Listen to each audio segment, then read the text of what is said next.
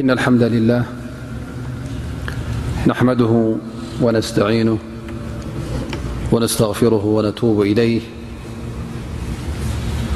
ونعوذ بالله من شرور أنفسنا ومن سيئات أعمالنا من يهده الله فلا مضل له ومن يضلل فلا هادي لههأ ا إلاالله وحده لا شريك له وأشهد أن محمدا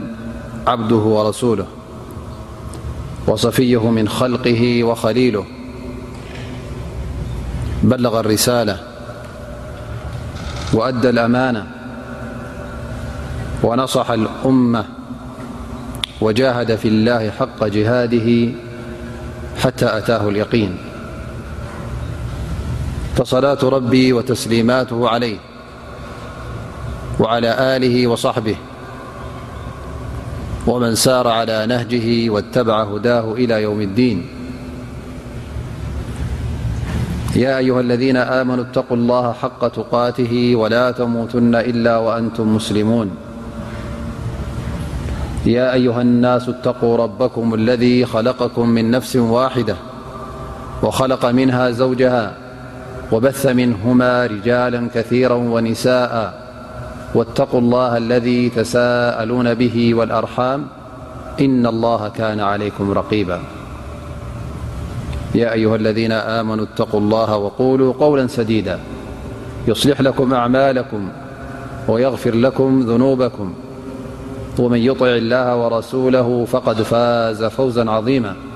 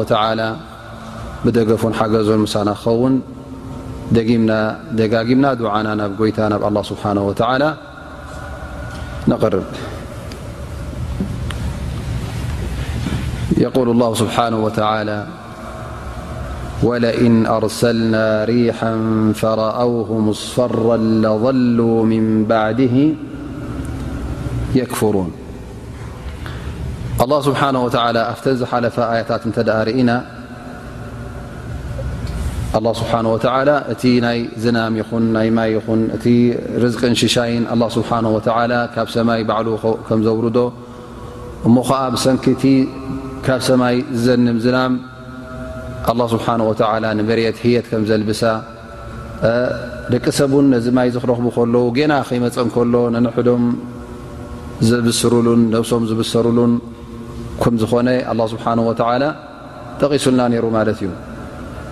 እነሀ ሕጂ ኣላ ስብሓን ወተላ ይብል እሞ ኣላ ስብሓን ወተላ ነዞም ሰባት እዚኦም ንቁፅ ዝኾነ ንፋስ እንተዝልእኽ ነይሩ ነቲ ዘርኦምን ነቲ ተኽሎምን ዘበላሹ ማለት ብሙቐት በቲ ማይ ብምስኣን ናብ ምድራቕ ዝኸይድ ማለት እዩ ተበላሽኡ ለምለም ቀጠልያ ዝነበረ እንታይ ይኸውን ማለት እዩ ብጫ ይኸውን ማለት እዩ ይበላሾ እንተ ደኣ ከምዚ ኮይኑ እንታይ ምበሉ ነይሮም ወለይን ኣርሰልና ሪሓን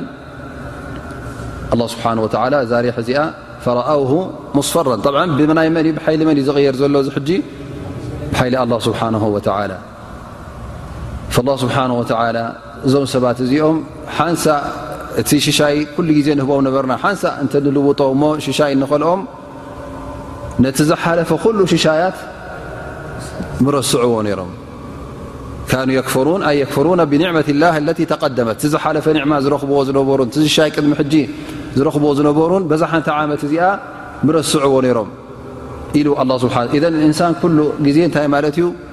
ክሒዳ ከም ምዃኑ የርእካ ኣሎ ማለት እዩ እዚ ኩሉ ሽሻያት እናመፁ ከሎ ሽሕ ሽሻይ ረኺቡ ሓንሳ ካብ ሽሕ ሓንቲ እተ ጎዲላቶ እንታይ እዩ ዝብል ማለት እዩ ኢማ ንስእን እንታይ ኣለኒ እንታይ ረኺበ እታይ ፈጥ ኣነ ከይርእ ዘይፈልጥ ኣነ ከምናበለ ሕጂ ጥራይ ናብ ምንታይ ኸይድ ማለት እዩ ነቲ ኣልሓምዱላ እኳ ቅድሚ ሕጂ ከምዚ ና ርና ኣብ ኒዕማ ርና ኣብ ሽሻይ ርና ሓንሳ እተሰኣና እንታይ ኣለዎ ኢሉ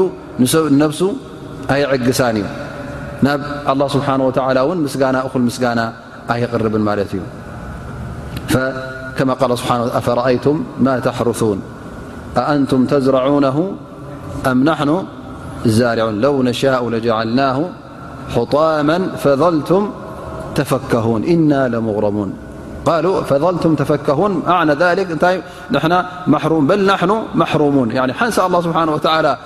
ገለ እንተ ገይርዎም ንና ሕሩማት ኢና እታይ ኸር ንረክብ እንታይ ኢሎም ኣብ ምንታይ ኣትዎ ማለት እዩ ፈኢዘን እዞም ሰባት እዚኦም ኩሉ ግዜ ክሒዳታት ዝኾኑ ማለት እዩ መዓ ኩሉ ግዜ ኣላ ስብሓ ወላ ሽሻ ይህቦም ነይሩ ላኪን ለው ኣንዘል ዓለይህም ዓዛበ መረተ ኣው ነቐሰ ዓለይህም ርዘቅ ኩሉ ግዜ እንታይ ይገብሩ ማለት እዩ ኣብ ክንዲ ሰብሪ ዝገብሩ ኣልሓምዱሊላ ዝብሉ እቲ ቅድሚ ሕጂ ረኪቦዎ ዝነበሩ ዝዝክሩ ኒዕማ ሽሻይን በቃ ኩሉ ይርስዑ ማለት እዩ ፈኢንሳን ዳእመን ንስያን ንርሳዕ ኣለዎ ማለት እዩ እዚ ሕጂ ጌጋ ከም ምዃኑ ኣላ ስብሓን ወተላ ይርእና ኢዘ እንተ ከምዚ ኮይኑ ወዲ ሰብ ድማ ኩሉ ግዜ እዚ ክሒዳ እንተ ኮይኑ ወላ መኺርካ መኻኺርካ እውን ኣይክጠቐሞን እዩ ማለት እዩ ፈላ የንፈዑ መዓም ዋዕዝ ወላ የንፈዑ መዓም ዳዕዋ ጌርካ ን ረቢ ፍር ገለ ክትብሎም ከለኻ እዚ ሰብ እዚ እተ ከምዚ ዓይነት ኮይኑ ክሒዳ እተ ኮይኑ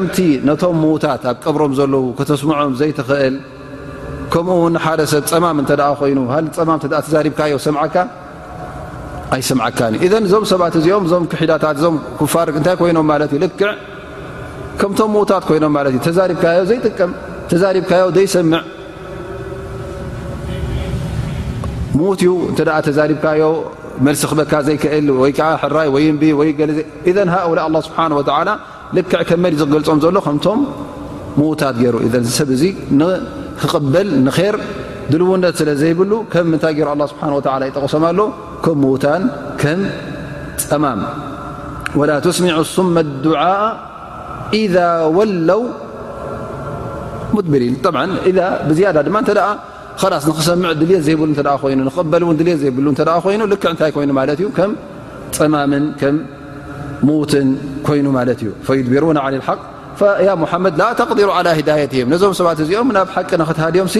ክእለት የብልካን እንታይ ስለ ዝኾኑ ንክሰምዑ ድልውነት የብሎምን ንክቕበሉ ነቲ ሓቂ ብናይ ተቐባሊ ልቢ ይሰምዕዎ የለውን ምክንያቱ ሓደ ሰብ ንሓደ ዘረባ ክትሰምዕ ከለኻ እንተ ንክትኣምኖ ጥራይ ድሓን ዛረብና ም ሰምዖ ዚ ውፅና ዚ ሰሚዕና ዚ ነውፅ እ ትብል ኮንካ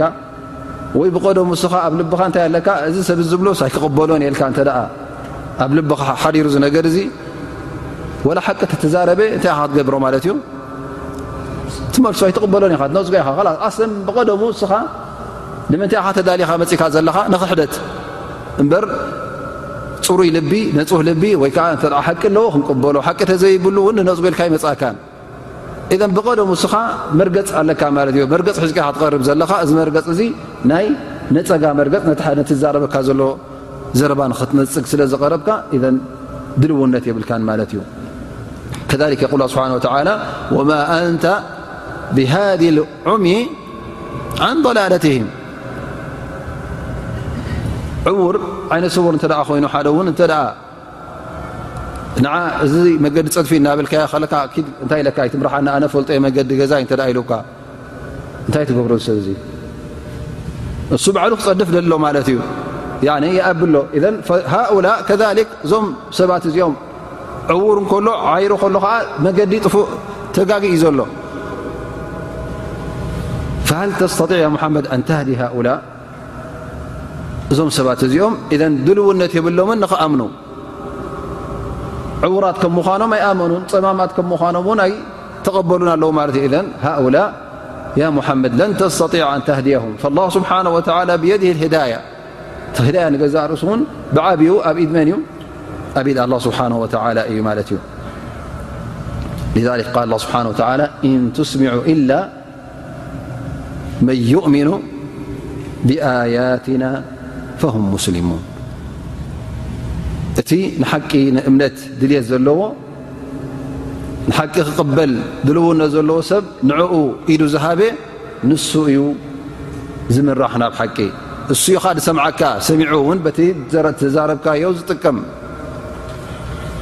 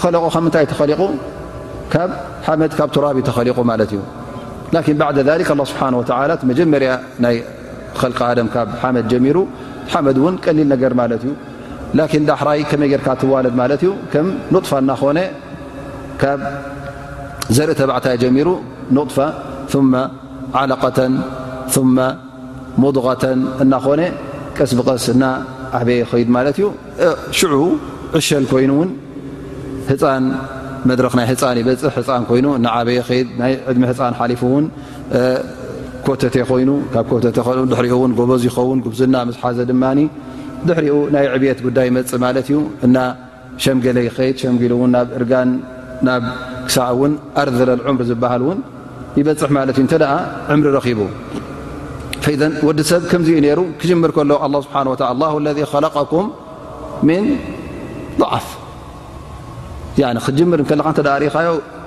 ወላ ኣብቲ ማህፀን ኣዴኻ ይኹን ወይ እውን መጀመርያ ተወለድካዮ እንተ ርኢኻ እንታይ ሓይሊ ኣለካ እንታይ ትፈልጥ እንታይ ክእለት ኣለካ ብጣዕሚ ሰነፍ ኢኻ ማለት እዩ ዝኾነ ነገር ይጎድእካ ንፋስ ኣዴኻ ሕጂ ህፃን ክውለድ እንከሎ ንፋስ ከይኣትዎ ገለ ከይረኽቦ እናበልካ እናተኸናኸነት እያ ትዕብዮ ማለት እዩ ፈህወ ضዒፍ ሓንቲ ነገር ክገብር ኣይክእልን እዩ ማለት እዩ ዝኾነ ይኹን እውን እተ መፅኡ ክቐትሎ ይኹን ክነክሶ ይኹን ከብሎ ይኹን ተ መፅኡ ሃልክ ክከላኸል ኽእል ኣይክእልን እዩ ማለት እዩ ኢዘ ብዳየት ልእንሳን መዓስ ትጀምር ብምንታይ እያ ትጀምር ማለት እዩ ብሰንፍነት ብሰነፍ እዩ ትጀምር ማለት እዩ ثማ ላ ስብሓን ወተላ እንታይ ህበካ ንዓባኻ ናዓባኻ ምስከትካ ሙሉእ ሰብ ወዲ ክንዲሰብ ምስ ኣኸልካ ሓይሊ ይስምዓካ ማለት እዩ ሓይሊ ትረክብ ነፍስኻ ይኹን ቅልፅማትካ ይኹን ኣዕፅምትኻ ይኹን እናተረርካ ትኸይድ ማለት እዩ ክትከላኸል ትኽእል ኣይኮነን ነብስኻ ዝመፀካ ኣይኮነን እንታይ ደኣ ብድሕሪኡ ወላ እውን መሰል ናይ ሰብ እውን ክትግህዝ ትጅምር ማለት እዩ ንሰብ ንክትዕምፅ እውን ትርከብ ተክተኮን ገና እንታይ ይመፀካ ማለት እዩ እቲ ሓይሊ ይመፀካ ማለት እዩ ድሕሪኡ ድማ ደረጃ እናጎደለ እናጎደለ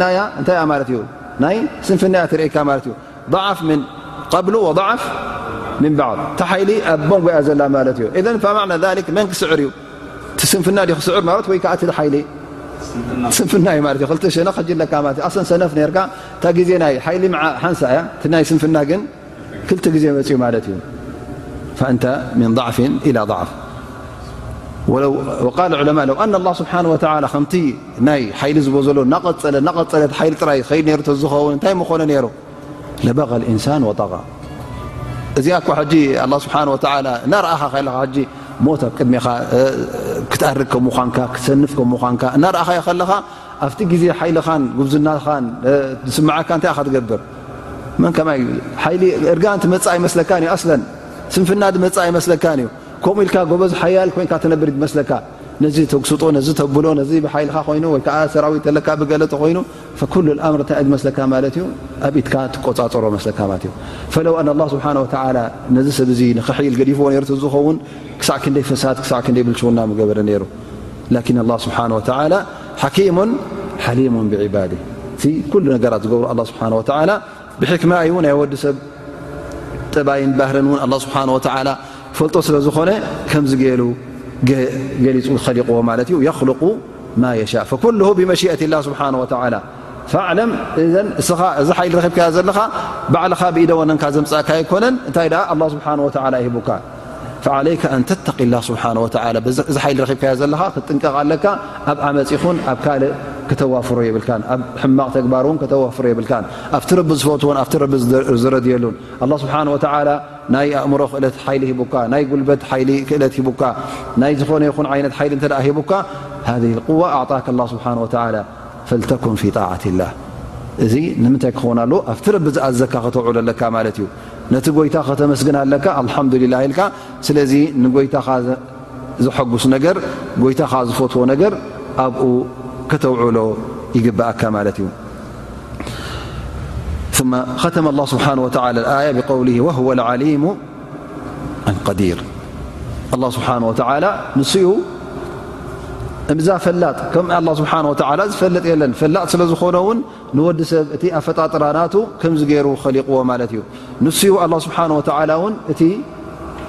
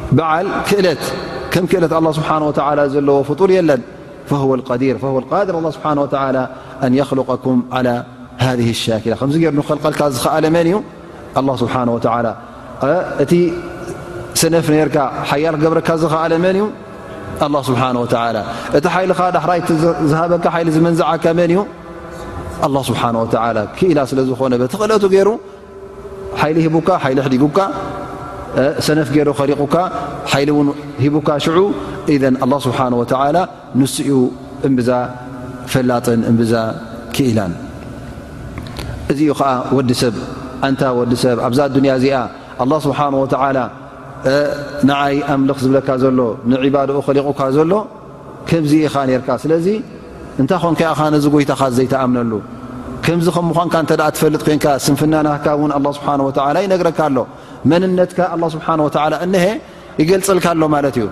እዘን ምስቲ ሓያል ዝኾነ ምስቲ ክኢላ ዝኾነ ኣላ ስብሓን ወተላ ምስቲ ፈላጥ ዝኾነ ኣላ ስብሓን ወተዓላ ምስኡ ስለምንታይ ኣንፃሩ ትዋጋእ ነቲ እሱ ዝበለካ ሕራይ እሽኢልካ ዘይትሰምዕ መገዲ ር ክሕብረካ ከሎ ስለምንታይ ዘይተቐበልካ ዮ ክትቅበሉ ኣለካ ማለት እዩ ላኪን እንሳን እንተ ርእና ኣክሩ ናስ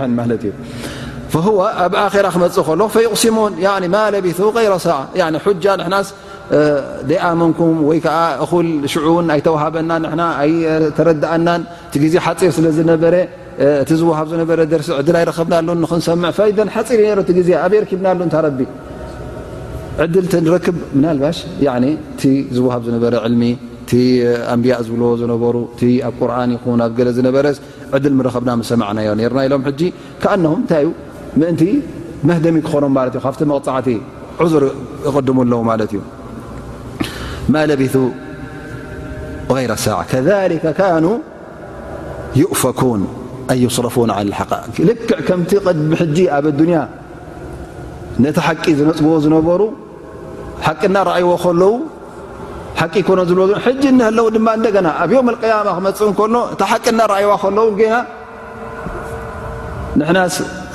ኣይተነገረናን ንሕናስ ኣይበልናን ኢሎም ፈኢዘ እቲ ጥፍኣቶም ኣስለን ኣብ ኣዱንያ ከይኣኽሎም ጠፊኦሞ ዝነበሩ ሃሁም ከሊክ እቲ ጥፍኣት ምስኦም ይቕፅል ኣሎ ማለት እዩ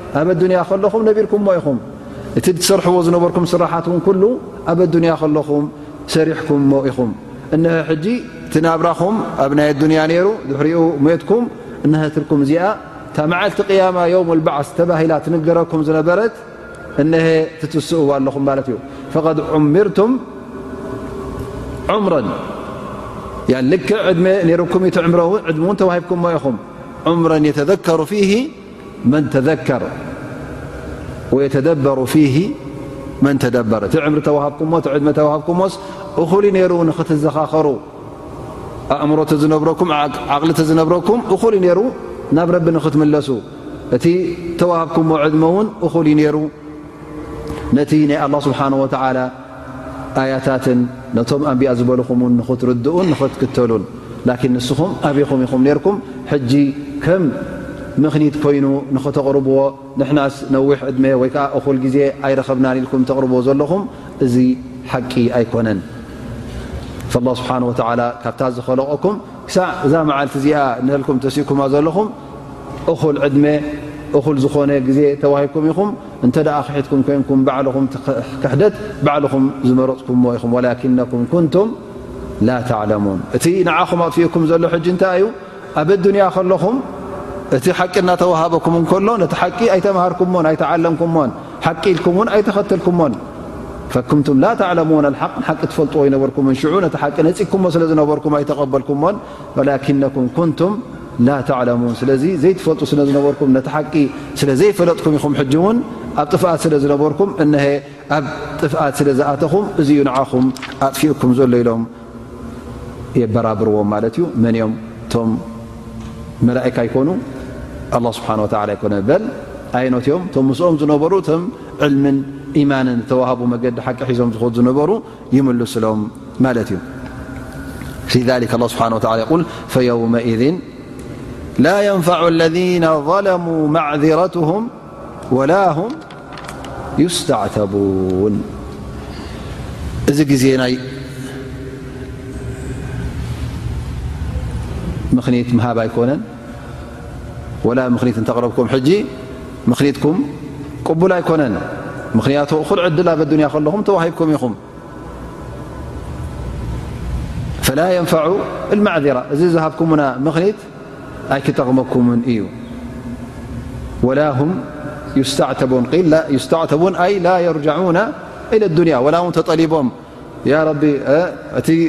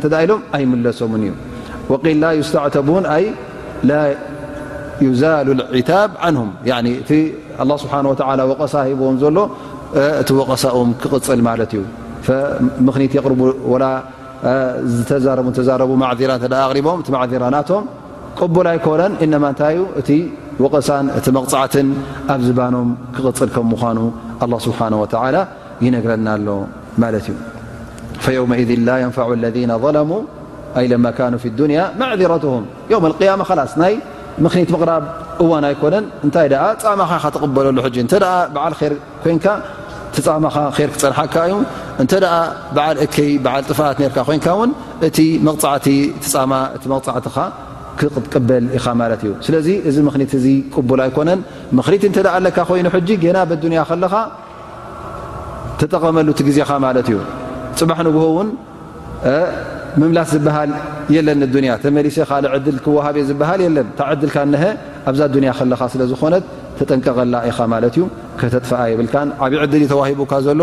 እዚ ወዲ ሰብ እውን ኣላ ስብሓን ወተዓላ ነዊሕ ዕድሚ ክበርሉ ብዝያዳ ዓብ ዕድል ከም ምኳኑ ክንርዳእ ኣለና ማለት እዩ ዕድሜኻ ክነውሕ ከሎ እንታይ ኻ ተዋህብ ዘለኻ ገና እንታይ ትውስኸካ ኣላ ስብሓን ወተዓላ ናብ ረቢ ንኽትምለስ እንታይ ኢኻ ትገብር ዘለኻ?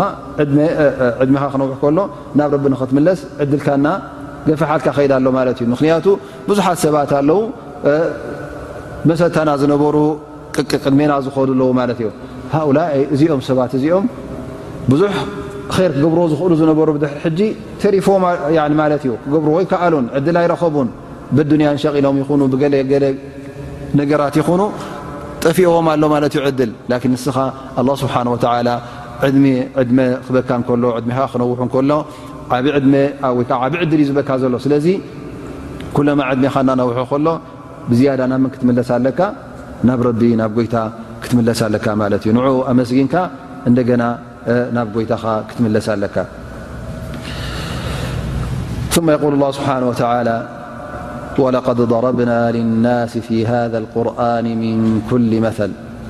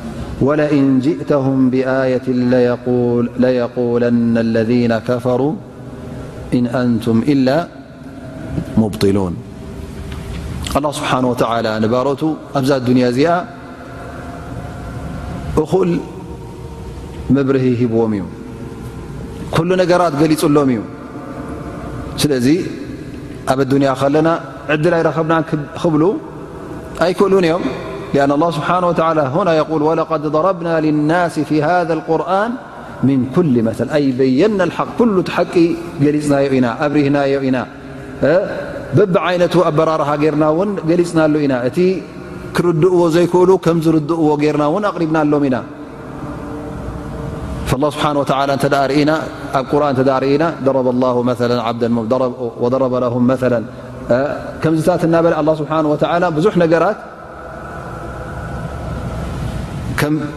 ተመሳሳሊ ነገር እናገበረ ገሊፁልና እዩ በትን በትን በትን ርድኦ ኣላ ስብሓን ወተላ ነታ ሓንቲ ጉዳይ እውን ኣላ ስብሓን ወተላ ሓንሳ ጠቒስዋ ሱቕ ኣይበለን ክልተ ሰለስተ ሻዕ ደጋጊም እውን ይጠቕሰልና ማለት እዩ ኣንብያ ልኢኹ ነዚ ኣብ ቁርን ዝነበረ እውን ነቢና ሓመድ ስ ሰለም መፅኡ ይገልፆ ነይሩ ማለት እዩ መፅኡ ገሊፁ እውን ብተግባር ኣነቢ ለ ላ ሰለም የውዕሎ ነይሩ ንሱ ጥራይ ዘይኮነ እውን ኣላ ስብሓን ወላ ንነቢና ሓመድ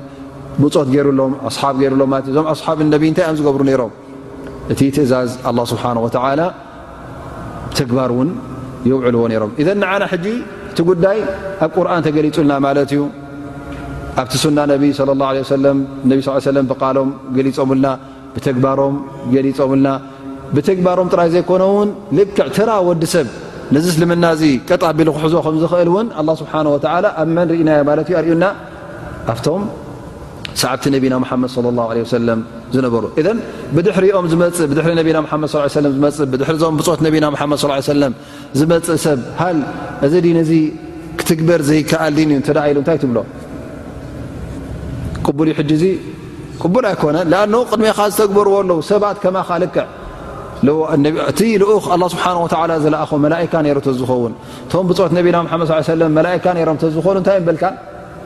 እዚ ነገር እዚ ብጀካ መላካ ካልእ ዝኽእሎ የለን በልካ ርካ ላን ኣ ስብሓ ወ ኣብነት ኣምፅልካ ማለት እዩ እሀ ኣብነትካ ዝዓበየ ኣብነት ነቢና ሓመድ ለ ላ ሰለም እቶም ካልኦት ከኣቶም ዝተሓት ኣብነት ከዓ ልክዕ ተራ ዝኾኑ ናይ ልኡኽነት ብልጫ ዘይረኸቡ ተራ ሰብ ከማኻ ዝኾኑ ስብሓ ወ ቶም ኣስሓብ ነቢ ብፆት ነቢና ሓመድ ሰለም ንትስልምና ከተግብርዎ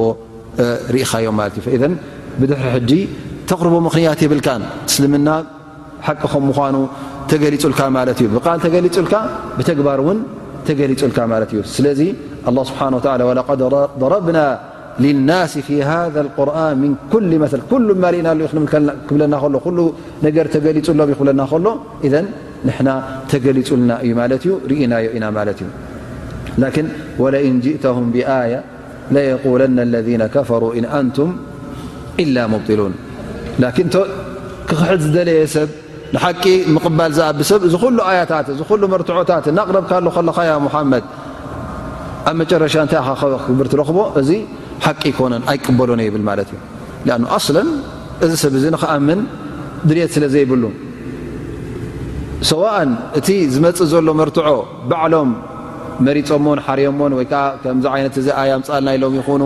ላእኑ ኣብ ግዜ ነቢና መሓመድ ስለ ላ ሰለም ብዙሕ ነገራት ይጠልቡ ነይሮም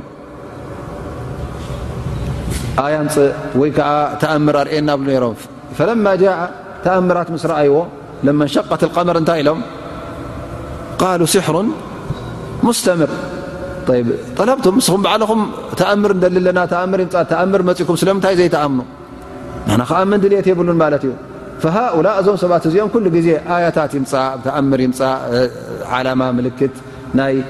ሓቂ ናይ ኢማን እናረኣዩ ከለዉ እንታይ እዮም ዝገብሩ ኩሉ ግዜ ንሕና እዚ ኣይንኣምነሉን ኢና ምክንያቱ ከም ስለዝኾነ እዝባ ስለዝኾነ እናበሉ